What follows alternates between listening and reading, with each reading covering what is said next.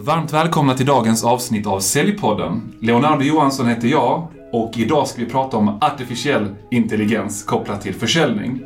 Ja, de här spännande robotarna som ska ta alla säljjobb där ute. Stämmer det verkligen? Det får vi reda på i dagens avsnitt när vi ska intervjua ingen mindre än Jenny Westman som jobbar på Hello Ebbot. Men Jenny, berätta, vem är du med dina egna ord?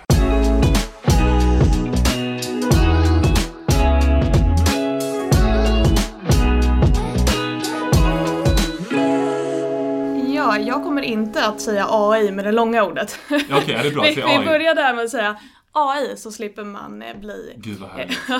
vad tyckte du om mitt uttal? Ja, men jag tyckte det var bra. Det var nog bättre än om jag själv hade sagt det. Ah, okay, okay, eh, så jag säger alltid AI chatbot. Underbart. Eh, och eh, ja, då har jag redan presenterat mig så bra. Men jag är alltså säljare på Hello Ebbot och mm. säljer AI chatbot. Just det. Eh, men berätta lite om din säljbakgrund innan vi går in och pratar mer om dagens heta diskussionsämne. Ja, eh, vi har ju gått in på det lite du och jag. Eh, men för de som lyssnar så började jag ju inte med eh, det här balla AI utan jag började med att knacka dörr. Ganska manuellt skulle man få säga, inte så mycket robot. Så jag knackade dörr och först sålde jag faktiskt Expressen-tidningar, mm. vilket jag inte heller kunde uttala. Just det. Och sen gick det vidare då till att jag faktiskt blev vuxen och började jobba och då var det Viasat. Okej. Okay. Men det här när man knackar dörr, ser du det som att det har varit en förutsättning för dina framgångar som du idag uppnår inom business to business försäljning, sälja chattrobotar eller berätta vad? Jo, men jag tror det. Det känns mm. ju ganska långt ifrån varandra. Mm. Fast samtidigt så har det byggt en grund hos mig. Mm. Eh, ganska mycket eh, gör inte om. Mm, så att de har jag fått, eh, fått med mig ganska bra. Eh, sen är det också så att att göra de här jobben som man kanske inte vill göra igen gör ju att jag kan se varför robotar kanske ska ta över delar. Just det. För jag, jag, tänkte, jag trodde att du skulle säga så här, ah, alla de här invändningarna som jag har fått, alla ah, som bara slänger dörren alla i ansiktet på. på en. Ja, ah, det var så?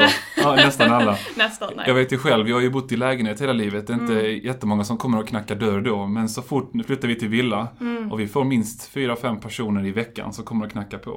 Och allt Oj. ifrån de som vill sälja kött på abonnemang till de som vill sälja liksom, exklusiva drycker, nyttiga grejer. Så att ja.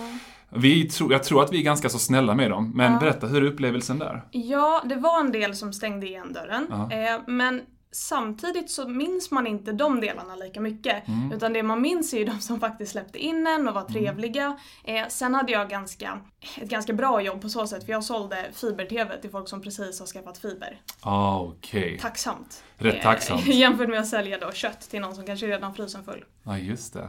Det här väcker lite tankar. Jag var ute och coachade ett företag för ett par år sedan. Mm. Och det var en säljare som hade varit en toppsäljare mm. när det kom till dörrknackning. Vi har satt abonnemang och, och lite sånt här spännande.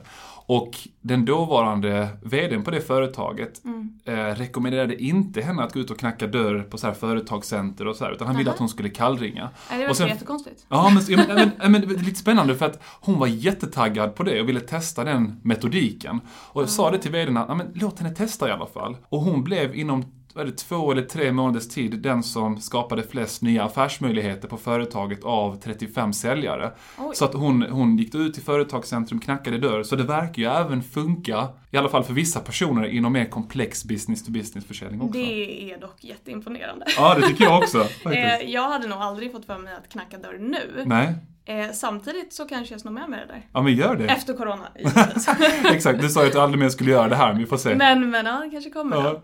Men du, berätta gärna innan vi går in på det här heta samtalsämnet för idag. Berätta någonting om dig som ingen eller väldigt få vet där ute. Alltså, det jag faktiskt kan säga är att efter att ha knackat dörr mm. och sen gått vidare till telefonförsäljning och ja. Eh, kundservice mm. så valde jag att faktiskt skaffa mig ett riktigt jobb mm. och jag sa också riktigt jobb till eh, min chef när jag sa upp mig för att börja plugga. Eh, och då fick jag för mig att bli nationalekonom. Eh, så att okay. jag läste till nationalekonom och under de här tre åren så insåg jag att det var jättekul att plugga men åh vad tråkigt att jobba med det. det. Eh, och nu har jag jättemånga kompisar som jobbar som nationalekonomer och jag är, är, fortfarande väldigt övertygad om att det är jättetråkigt. ja, det är eh, så att det var verkligen börja plugga för att få ett riktigt jobb, plugga och sen så bestämde jag mig för att, men vänta nu, sälj är ett riktigt jobb. Ja, just det. Eh, så att då gick jag tillbaka. Du, det där är lite kul. Jag pluggade ekonom i Lund mm. och det, alltså om inte jag missminner mig så var det runt 30-40% av den klassen som blev säljare i slutändan mm. och trodde man aldrig att man skulle bli för att Nej. sälja var lite fult. Exakt, alltså så här, exakt man tänkte att det var typiska krängare på telefon ja. och så här. Och jag kände också att man fick lite den här och nu har du pluggat, ska du hitta någonting riktigt nu? Ja. Och sen sa jag så här, nej men jag, jag fortsätter i sälj. Då blev folk så här, nej, nej. Ja, exakt. exakt. Men eh, för mig är det helt rätt. Nej, det, är bra. det är någonting som folk inte, och eh, jag kanske inte framstår som en nationalekonom. Nej. I alla fall inte när jag jämför med mina extremt smarta gamla klasskamrater. Jag förstår. Ja, national, nationalekonomi var också någonting som jag själv tyckte rätt mycket om. Det var mm, lite matte i det ju. Superkul. Men du, ja, nu är du sarkastisk. Men det var en annan sak som jag har fått höra om dig. Mm. Eh, berätta, vad kan det vara? Även om jag gillar mitt jobb och älskar våra chattbottar ja. så har jag någonting som är lite över det och det är judo. Okej. Okay. Och jag är själv inte aktiv och inte varit det på 8-9 mm, år nu. Nej. Men jag har varit judotränare sedan dess. Just det. Så att jag har allt från 4,5-åringar som knappt kan rulla på mattan ja. till eh, lite äldre barn som faktiskt är med i landslaget. Så, där. så de, är, de är inte barn, eh, de är ju typ 22. Okej, okay, ja, lite äldre barn. Ja, men, precis, eh, men i mitt huvud är de ju fortfarande barnen. Men, jag fattar. Och vad finns det för liknelse mellan judo och sälj? Jag tänker att det är som all idrott. Att mm. det är liksom struktur, mm. du måste ha tålamod, du måste mm. fortsätta även när det faktiskt går ganska dåligt. Just det. Eh, så egentligen oavsett om det är curling, skidor, eh, fotboll eller judo så ja. är det väl samma sak för någon som håller på med idrott som inom försäljning. Precis. Eh, kanske också i andra jobb, jag vet inte. Jag ja. har inte så mycket erfarenhet där. Jag tänker mycket på de här Brazilian jiu-jitsu och sånt här mm. spännande mm. som blivit ganska poppis.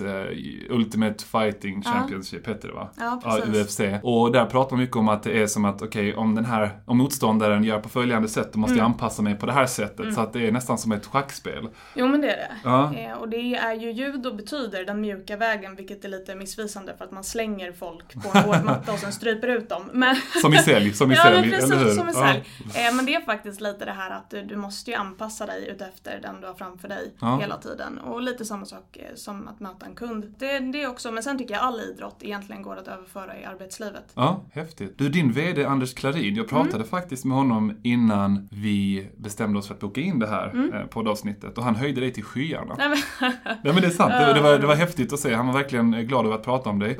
Vad tror du, om du får vara lite osvensk av dig, eh, vad är det som särskiljer dig som säljare? Inte jämfört med kollegor utan bara generellt mm. sett där. Eh, men alltså jag, jag tror Många kanske gillar sina jobb, men jag älskar verkligen eh, ja. mitt jobb och jag gillar att sälja. Mm.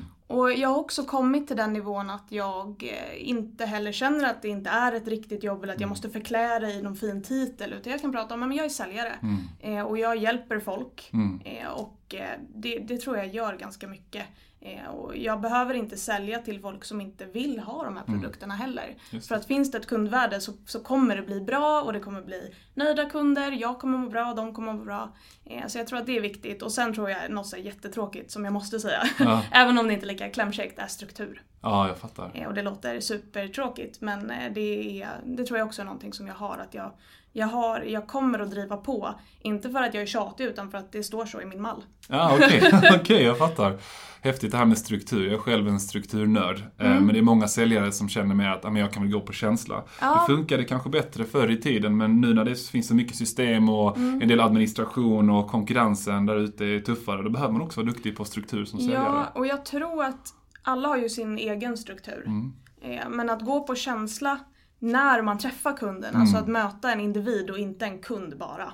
Utan att, ja, men vad är det här för person, vad borde jag göra med denna? Mm. Men att sen emellan kundmöten, det är ju, mm. det är ju där egentligen själva alltså det hårda jobbet är. Att träffa någon och säga Gud vad kul att du vill prata AI. Mm. Det är ju jätteroligt. Att sen sitta och lägga in det i ett CRM-system ja. och sen bara okej okay, nu ska jag mejla, nu ska jag ringa, nu ska jag skriva offerter. Det är inte lika roligt. Nej men det är Så därför det är där man har måste... de här AI-systemen De ska hjälpa oss med allt sånt framåt, eller hur? Absolut, allting. Ja men det här, och det här leder oss in på dagens samtalsämne. Mm. AI, nu ska jag försöka, på det, försöka mig på det igen, artificiell, nej det går ju inte. Nej, Vet du vad, vi säger bara AI. Ja. men AI och framförallt eh, chattrobotar. Mm. vad innebär det? Eh, jo, men det är ju en, en chatbot, en robot som finns i våra datorer.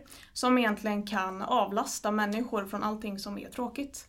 Det där låter ju nästan för bra för att vara sant. Ja, det är nästan ja. för bra för att vara sant. Är, är det så säljare tolkar det här också där ute när du är ute och träffar företag? Jajamän. Alltid. Det är så, ah, du, nu kommer någon som ska avlasta mig här. Ja. Det är hur härligt som helst. Men det är ju faktiskt så. Och, och sen kan man fastna mycket för AI. För mm. det är ju lite läskigt och superspännande och mm. svårt att uttala. Eh, men det är ju egentligen ganska eh, basic. Där man mm. tar, bort, tar bort arbete som människor inte ska behöva göra. Just det. Och om vi pratar om en typisk business to consumer-säljare där ute. Mm. Alltså det finns ju alltid från telefonförsäljare, de som säljer solcellspaneler till mm. Eh, villaägare. Vad kan en B2C-säljare få för värde av en sån här härlig chattrobot? Leads. Leads, ja. det är samma som B2V kanske, så det var en ja, liten ja, ledande fråga. Men det är faktiskt så att en privatperson idag ja vill kanske inte bli eh, knackad på sin ytterdörr som du sa. Det var ah, lite halvjobbigt. Eh, eller att någon ringer och stör mitt i mötet. Man har kanske satt på flygplansläge för att inte ens orka med att de ringer. Eh, att då istället gå in och googla lite, hamna på en bra sida för alla har ju jättebra marknadsföringsverktyg idag så att de syns sådär. Mm. Eh, så när man sitter och läser, det är ju då chattbotten kan fånga upp de här personerna. Så det är någon som är tillräckligt nyfiken för att gå in på hemsidan, läsa om typ solceller, Eh, och sen kanske de är lite fega så att de gör inte så mycket mer. Men det är där Ebbot kommer in och fångar upp att Gud vad roligt att du är nyfiken. Kan inte jag hjälpa dig lite mer? Okej, så bara för de som inte riktigt är, inte bekväma, men vana vid att prata om chattrobotar. Mm. Mm. Då är det någonting, jag ska försöka med mina egna ord här, ja, se om absolut. du får rätt, rätta mig här.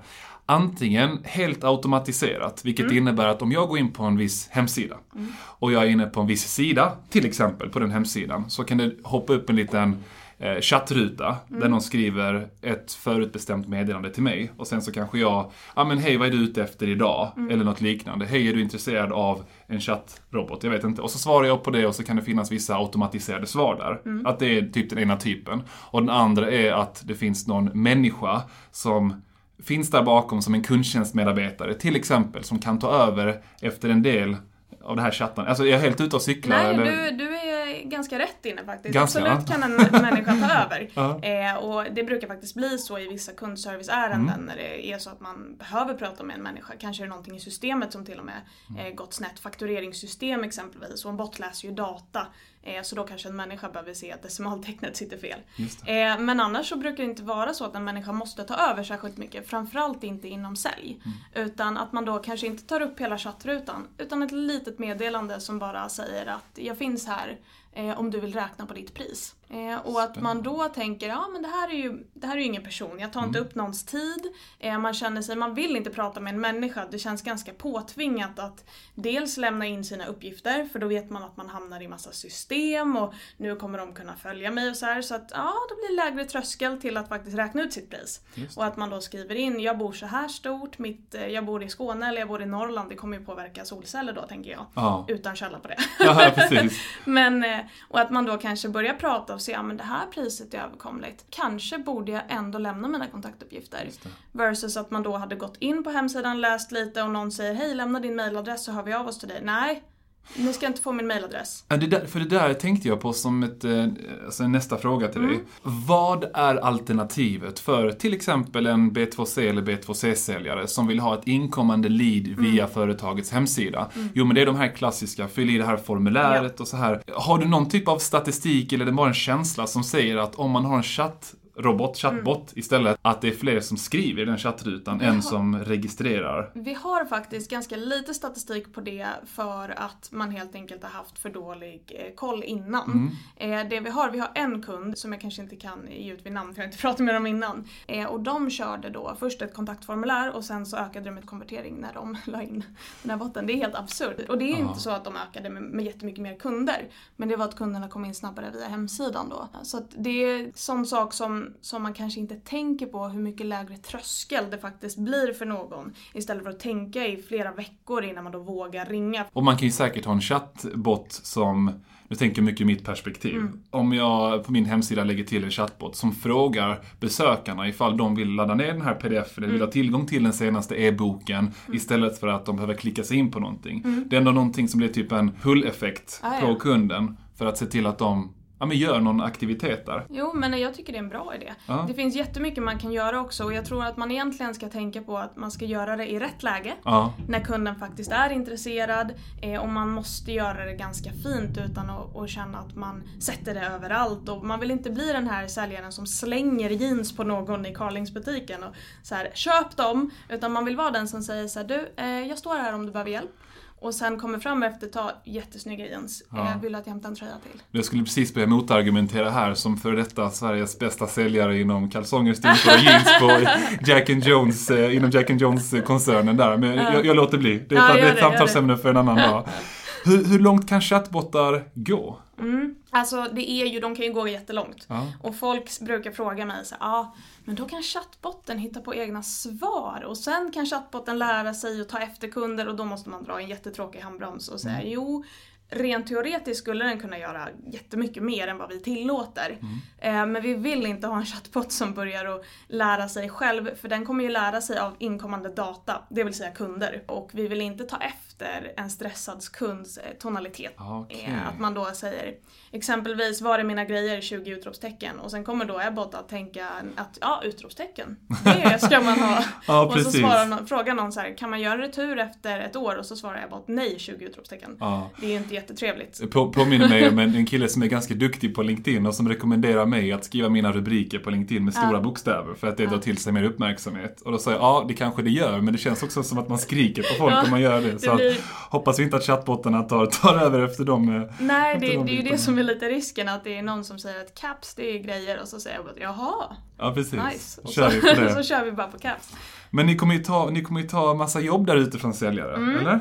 Eh, jo men absolut, så skulle man ju kunna säga. Eller så kan man säga att vi kommer ge säljare jättemycket leads. Okay, eh, och ja. det vet ju alla inom sälj att det är ju bara jätteroligt. Det är ju lite som, för mig, när någon säger så här, fast det kommer jag ta bort jobben. Det är lite som att då någon kommer säga, här Jenny, du har ett nytt prospekteringsverktyg. Ja.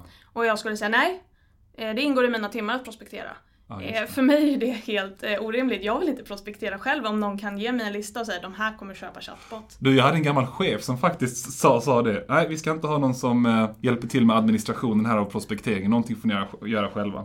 Något i stil med det. Men det är också ja. till för ett annat, det ett annat poddavsnitt. Skönt att jag inte har träffat på den chefen. Han var jättebra på många andra sätt. Ja, ja. Men du, det här med den personliga kontakten då. Mm. Tappar man inte en del av den personliga kontakten genom att börja chatta istället för att man till exempel väljer att ringa in eller det kanske mm. inte är alternativet för de som börjar chatta? Eh, jag skulle säga nej på den frågan och det är också den vanligaste invändningen vi får när man pratar med kundservice mm. som vi egentligen eh, jobbat med mest, mm. även om vi också jobbar mot sälj. Eh, och det är ju inte riktigt så utan vi avlastar ju snarare och ger folk tid mm. för den personliga kontakten. Okay. Eh, för att om det är så att du bara vill ha en offert lite snabbt, eh, du vill veta vart ditt paket är när du har beställt hos min kund Nelly Mann exempelvis, mm. har ju bra kläder till dig. du menar att jag måste uppdatera den här ja, klädstilen idag? Jag kanske var lite för färgglad för den här. Men om man då skriver in och säger vad är mina grejer? Ja. Då är inte den personliga kontakten jätteviktig. Samma sak, vad kostar det här? Jag har aldrig varit med om att någon säger att jag måste ge priset med lite mer känsla eller någonting. Utan folk vill bara veta. Ja. Eh, och där kommer inte den personliga kontakten att skadas. Det är ju snarare så att den skadas om vi inte har tid med komplexa ärenden. För att vi sitter och svarar på folk som vill ha, eh, när öppnar ni? Ja, vi öppnar klockan 10, välkommen då. Och sen sitter det någon och väntar, kanske i en telefonkö eller kanske i en chattkö eller liknande och väntar på att få ett svar som faktiskt är ganska eh, jobbigt eller komplext. Man kanske behöver lite mänskligt stöd. Det kan ju vara så, vi är ändå människor, det kan ju vara så att jag inte kan betala den här fakturan på grund av någonting jättetråkigt. Du, det, det där var, väckte en tanke hos mig också. Jag skickade ett mail, jag vet inte om jag får får berätta för mycket om, för, ah, skitsamma. HSB. Jag mejlade HSB angående en faktura jag fått om medlemsavgift. Eh, och jag ställde en ganska enkel fråga. Och det var, behöver jag betala den här avgiften när jag flyttat från lägenhet till hus? Alltså det tog, jag tror det tog två veckor innan jag fick svar. Mm. Det var helt sjukt. Och jag satt där bara frustrerad och fakturan bara, nej det här är snart eh, liksom, vad ska man mm. säga, past due date för att betala den. Och jag bara, vad händer här? En mm. chattrobot, HSB, mm. bra prospekt, det är bara att ta eh, kontakt. Ja men precis, vi hörs snart. ja exakt, vi hörs snart. ja men det är ju faktiskt exakt den situationen som, som man vill undvika. Ja. Eh, det är ju väntetiderna men framförallt också en sån sak förväntar man sig svar ja. på ganska fort. Eh, och den kundbilden att man har man förväntar sig högre tillgänglighet hos sina leverantörer oavsett om det nu är en leverantör du jobbar med på din arbetsplats mm. eller att du bor där eller att du handlar mat eller kläder där så har du en ganska hög eh, förväntan på tillgänglighet. Men du, jag blir ganska taggad på att köpa en chatbot ja. till, till, till mitt företag. Skämt åsido, eller det var ju inget skämt eh, i och för sig, men vad jag ville fråga dig är att måste man ha ett större företag, massa resurser för att lägga in alla de här svaren? Eller hur, hur gör någon som jag, litet eget företag, ett par anställda, vill ha fler inkommande leads via hemsidan? Berätta, mm. hur funkar det? Eh, alltså, när vi jobbar med små företag ja. så brukar vi ju såklart eh, göra att det ska bli fullt rimligt även för er att komma igång med lite, minska, alltså lite mindre resurser än någon som har en kundservice på 100 personer. Ja. Eh, men då hjälper vi också er att bli bottspecialister. Så att även om vi bygger upp botten och lär den att ta rätt data och så vidare så kommer vi att hjälpa er att eh, bli bra på att bygga bot. Mm. Så att ni i förlängningen, i takt med att ni växer, kan fortsätta att lära chattbotten och sådär.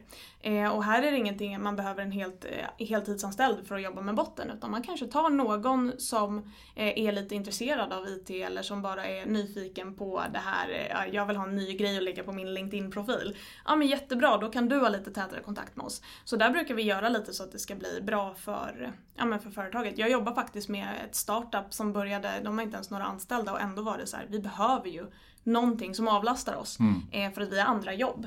Och då ser vi till att hitta en lösning som funkar för dem. Om jag får vara lite kritisk här igen. Jag mm. läste någonting om att Google gjort ett par spännande tester som inte...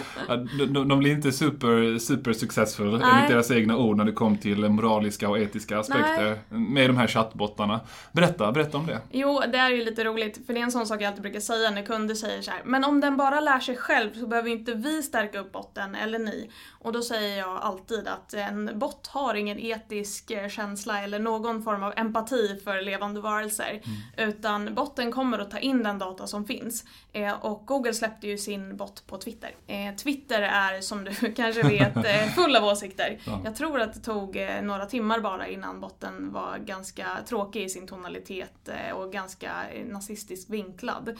och vilket man inte kan skylla på botten för botten har inget samvete, empati eller känsla. Så att det är ju bara ren data den kopplar in och sedan ger ut. Och inte jättehärlig kvinnosyn heller tyckte jag. Nej, nej, det Men jag blev inte arg på botten utan på människorna som gett den datan då för det här. Ja, jag förstår. Jag, jag har en sak till, ett annat litet orosmoment här mm. innan vi går in på de mest positiva sakerna med en chatbot. Som konsument kan man vara ganska oroad för att allt fler företag, allt fler hemsidor, det blir svårare och svårare att hitta telefonnummer. Mm. Och eh, det behöver inte bara vara, oj, nu skulle jag uttrycka mig lite fräckt, Agda75 som, som, som inte gillar att chatta med, med, med någon chatbot eller som inte är van vid det kanske, mm. utan som vill kunna ringa in. Finns det inte en risk att det blir väldigt mycket mer opersonligt? Eh, jo men jag hör dig, men det blir inte mycket mer opersonligt. Eh, däremot så har jag sett det här själv, ja. att företag försöker att bygga bort kunden. Man gömmer telefonnummer, du har kanske ingen chatt, du har en mail eller ett kontaktformulär där du ska behöva fylla i, inte bara ditt ärende utan ditt namn, din adress, vad din mormor heter i förnamn och liksom, det blir ganska omständigt att få svar på en fråga. Eh, och det här är ju för att minska inkommande volym volymer för att de har för mycket att göra. Mm. Eh, istället för att göra så här skulle man ju då kunna ha en bot som automatiserar de här frågorna. Som gör att den här höga volymbelastningen hamnar på en chattbot som är oändligt skalbar. Istället för på en människa som är superstressad och inte hinner med. Eh, så att där tycker jag ju bara att chattboten är lösningen. Men det du var inne på att inte alla är helt bekväma med en chatbot, det har vi också med oss. Så att när vi då startar upp ett projekt så säger vi alltid att det kommer vara vissa som tycker det här är jättejobbigt eh, och vi måste lyssna in dem. Eh, och kanske då säga att Hej, eh, jag är Jenny och jag är en chatbot eh, och jag kan hjälpa dig med följande och sen kanske då de fyra grejerna jag är absolut bäst på.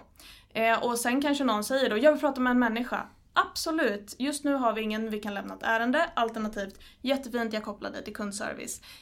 Eller här, här har ni vårt telefonnummer. Ja men någonting sånt. Ja. Jag gillar ju att ha kvar dem i samma kanal. Okay, ja. För jag gillar inte att man ska vara i en kanal och sen behöva gå till nästa kanal. Har du kommit in på chatten så, så ska du få vara kvar där, tycker jag. Men mm. det är lite smaksak. Eh, men där kommer man ju då kanske sätta en ganska bra kundupplevelse. Så nästa gång Agda rullar in här på sin hemsida och så ser hon den här chattbotten, då tänker hon ah, den är inte helt dum ändå. Jag kanske vågar klicka på den här. Och så klickar hon och så, jaha, nej men titta, nu fick jag svar. Eh, och då har man tagit bort en sån här skeptiker och så fortsätter man så. Men man måste göra det lite mjukt. Eh, och också respektera att det fortfarande kan vara lite läskigt för vissa. Låt oss prata lite mer om de positiva effekterna. Mm. Om jag nu får drömma mig bort och prata om AI, inte det andra som jag höll på att säga. Ja. Och vad, vad, kommer en chatbot, eller så här, överlag AI för säljare kunna innebära i framtiden? Och, och, det kan vara så att du säger, ja ah, vet du, det här kan ju helt slopa all administration du har, det kan göra X, Y och Z. Alltså vad tänker du på när jag säger AI, framtiden för säljare? Jag tänker ju slopa mycket administration, inte all, mm. eh, men Framförallt så vill vi ju, vi har ju, det är mycket fokus på att man ska få inkommande lead, vi ska driva trafik till hemsidan. Men vi måste göra någonting med den trafiken. Mm. Och det är ju där vi med hjälp av AI faktiskt kan fånga upp och få kunder som faktiskt är intresserade, Kanske har de redan haft nästan som ett första möte, de har haft en screening med en chatbot. Så när jag hoppar in i ett kundmöte så vet jag att nu sitter jag här med HSB, de har problem att svara på faktureringsfrågor här. Eh, och de har x antal volymer, de är redo att köra igång ett projekt under juni och allt sånt här kommer ju underlätta min vardag, det kommer förkorta min säljcykel och eh, det kommer ju göra att jag kan stänga fler affärer och få fler nöjda kunder och mindre bottskeptiker överallt. Mer bottar, mindre skeptiker. Gud vad häftigt. Någonting som jag kommer att tänka på nu när vi ändå pratar om det här med AI-robotar. Finns det någonting en bot, eller AI överlag, aldrig kommer kunna göra? Alltså vart ska förväntningarna ligga för att man ska ha rimliga förväntningar som säljare på artificiell intelligens? Jo, men jag tycker, bra, bra jobbat. Ja. Eh, jag, jag, tycker att man ska ställa förväntningarna på att den kommer inte att kunna ta över jobbet i, i att bli inhörande, empatisk och se kundens specifika situation. Eh, och, eh, eller det hoppas jag inte i alla fall. det hade varit väldigt läskigt. Men då kommer vi vara i en situation där de tar över ändå. Så att, men, men jag tror inte att vi ska förvänta oss det. Utan jag tror att vi kommer behöva förvänta oss att vi måste fortfarande genomföra kundmötet, vi måste fortfarande hitta den specifika lösningen som passar den specifika kunden och den situationen. det vi kan få är ju som sagt det här innan screeningen, vi kan få alla hårda värden som är ganska tråkiga att prata om. Men sen det här mjuka och se vad visionerna framåt, eh, det måste vi fortfarande göra själva. Du, nu kom jag på någonting. Det var kanske ett år sedan. Det var ett mm. amerikanskt företag. Det var en chattbot på deras sida. Den här chattbotten ledde mig till att registrera mig för ett webbinarium som jag trodde var live, men mm. som var förinspelat. Mm. Jag var med på det här webbinariet som ledde mig in på nästa då webbinarium som också var förinspelat. Och det slutade med att jag köpte en produkt som kostade 3 eller 4 tusen svenska kronor per månad. Mm. Och allting var helt automatiserat. Mm. Och baserat på olika val som jag då gjorde genom den här processen så leddes jag fram till rätt del av deras sån här funnel mm. på det sättet. Och jag vet inte hur mycket AI det var i det, mm. men jag, det, det, här väckte ändå den här tanken att kanske motargumentera lite grann mm. med att eh, automatisera säljmöten och sånt, fast då kanske man gjort det på ett lite annat sätt. Ja, det beror väl också på vilken produkt det är. Vissa ja. produkter är ju mer eh, self-sign-up ja. varianter och då kanske det räcker med en demovideo. Eh, Medan andra mer komplexa produkter Eh, behöver nog förmodligen någon form av behovsanalys som Precis. kräver en människa. Ja. Eh, men det är ett roligt spår du är inne på. Ja. Eh, och samtidigt så, så kommer ju de här kunderna sen behöva en kontaktperson och mm. någon som tar hand om dem och där kommer det kanske ta längre tid då. att kunna automatisera även de delarna. Ja. Du, en sista fråga innan vi avslutar. Mm. En big, big no-no. Vad är det du ser säljare göra där ute ibland, eller ganska ofta, som du säger att det här är en big no-no. Det här, det här funkar inte, eller bör inte funka inom sälj. Eller mm. bör inte få utföras av en säljare. Jag är ju jätteanti, jag ber om ursäkt nu om du inte är det. Ja. All form av säljmetod. Mm. När man det är klart att man får ha lite, som jag sa, struktur och sådär. Men när jag sitter på ett möte och någon försöker få mig att säga ja tre gånger för att jag då inte kommer kunna säga nej. Eller frågar frågor som är direkt från en säljbok när de säger Så det du menar är alltså och sen så säger de någonting som jag inte, inte alls menar. Eller eh, så om, eh, om vi skulle kunna göra det här så skulle det betyda för er att du skulle kunna och sen bara någonting som man hör är inövat. Eh, det är någonting som jag direkt eh, kopplar till fulsälj. Mm. Eh, det känns ganska oärligt mm. Och jag tycker att man som säljare ska vara ärlig. Självklart kan du ge lite glitter på saker, ja. men du måste vara ärlig och du måste tro tillräckligt mycket på det du säljer. Eh, för att faktiskt vara ärlig om produkten. Ja. Så, ja. Alltså, när du började den första meningen jag tänkte oj, här, här pratar du med en säljutbildare som bara pratar om metoder, metodiker och, och teorier och allt möjligt. På... Ja, men, men, jag skulle också säga så att jag vill nog bekräfta det som du mm. säger. För att så fort det blir alldeles för uppenbart, ja. eller det känns som att det här är inte genuint, då Exakt. tappar man kundens intresse. Eh, däremot, det finns till exempel en av de eh, främsta eller största eh, säljböckerna som har mm. skrivits där ute som heter Spin Selling, mm. som många säljare har läst. Och i grunden så handlar det om att få kunden att förstå konsekvensen av att inte köpa den här typen av lösning eftersom människor enligt mycket psykolo psykologisk forskning, alltså att man är mer riskavert, vilket mm. innebär att man agerar snabbare på ifall man förstår vad kan jag förlora på detta än vad jag har att vinna på det. Ja, Däremot om man ställer frågan på exakt samma sätt hela tiden, vilka konsekvenser leder det här till? Mm. Vilka konsekvenser leder det här till? Mm. Vilka, alltså fortsätter det spåret, då blir det väldigt uppenbart. Men om man till exempel kan väva in det i berättelser om vad andra kunder har upplevt mm. och sen få kunden att berätta om de håller med om de här upplevelserna, om de, har, om de känner igen sig i det. Mm. Det är ju en helt annan grej, så det handlar om hur man använder metodiken. Ja, men ja. också att du har rätt kund framför dig. För mm. sitter du med en kund eh, som håller med om de här, när du pratar om konsekvenser och så vidare, då är det en kund som, som är rätt kund för produkten. Mm. Eh, sitter man med bara vem som helst och drar samma eh, prat så mm. kommer det ju inte att fungera. Så det är lite, ja, det är också den, och det är lite det magiska i sälj, att det, ja. du kan prata med vem som helst men du måste prata med rätt person, ja. i rätt timing och sen se vad behöver de här och sen Ja, och, och, och, du vill ju inte ens sälja till en kund som inte kan bocka av de här utmaningarna Exakt. som din produkt kan hjälpa till att tillfredsställa. Precis. Så att det är inte så att du ja, som du sa tidigare, att få till tre ja oavsett om kunden är intresserad eller inte bara för att sälja till kunden. Mm. Det har jag också varit med om. Mm. Det är big no-no. Men då, då, känner jag ändå att jag skulle inte säga att vi är överens om att inte vara överens, utan vi är överens om att vara överens. Ja, men precis. Ah, bra. det var bra. Det var bra.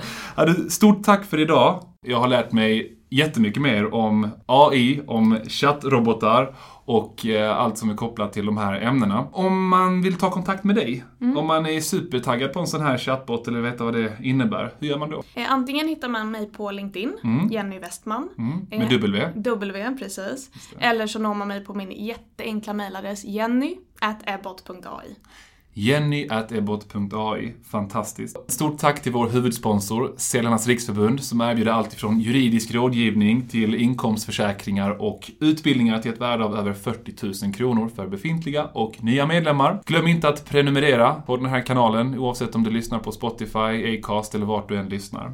Stort tack för idag Jenny. Tack själva. Ha det gott.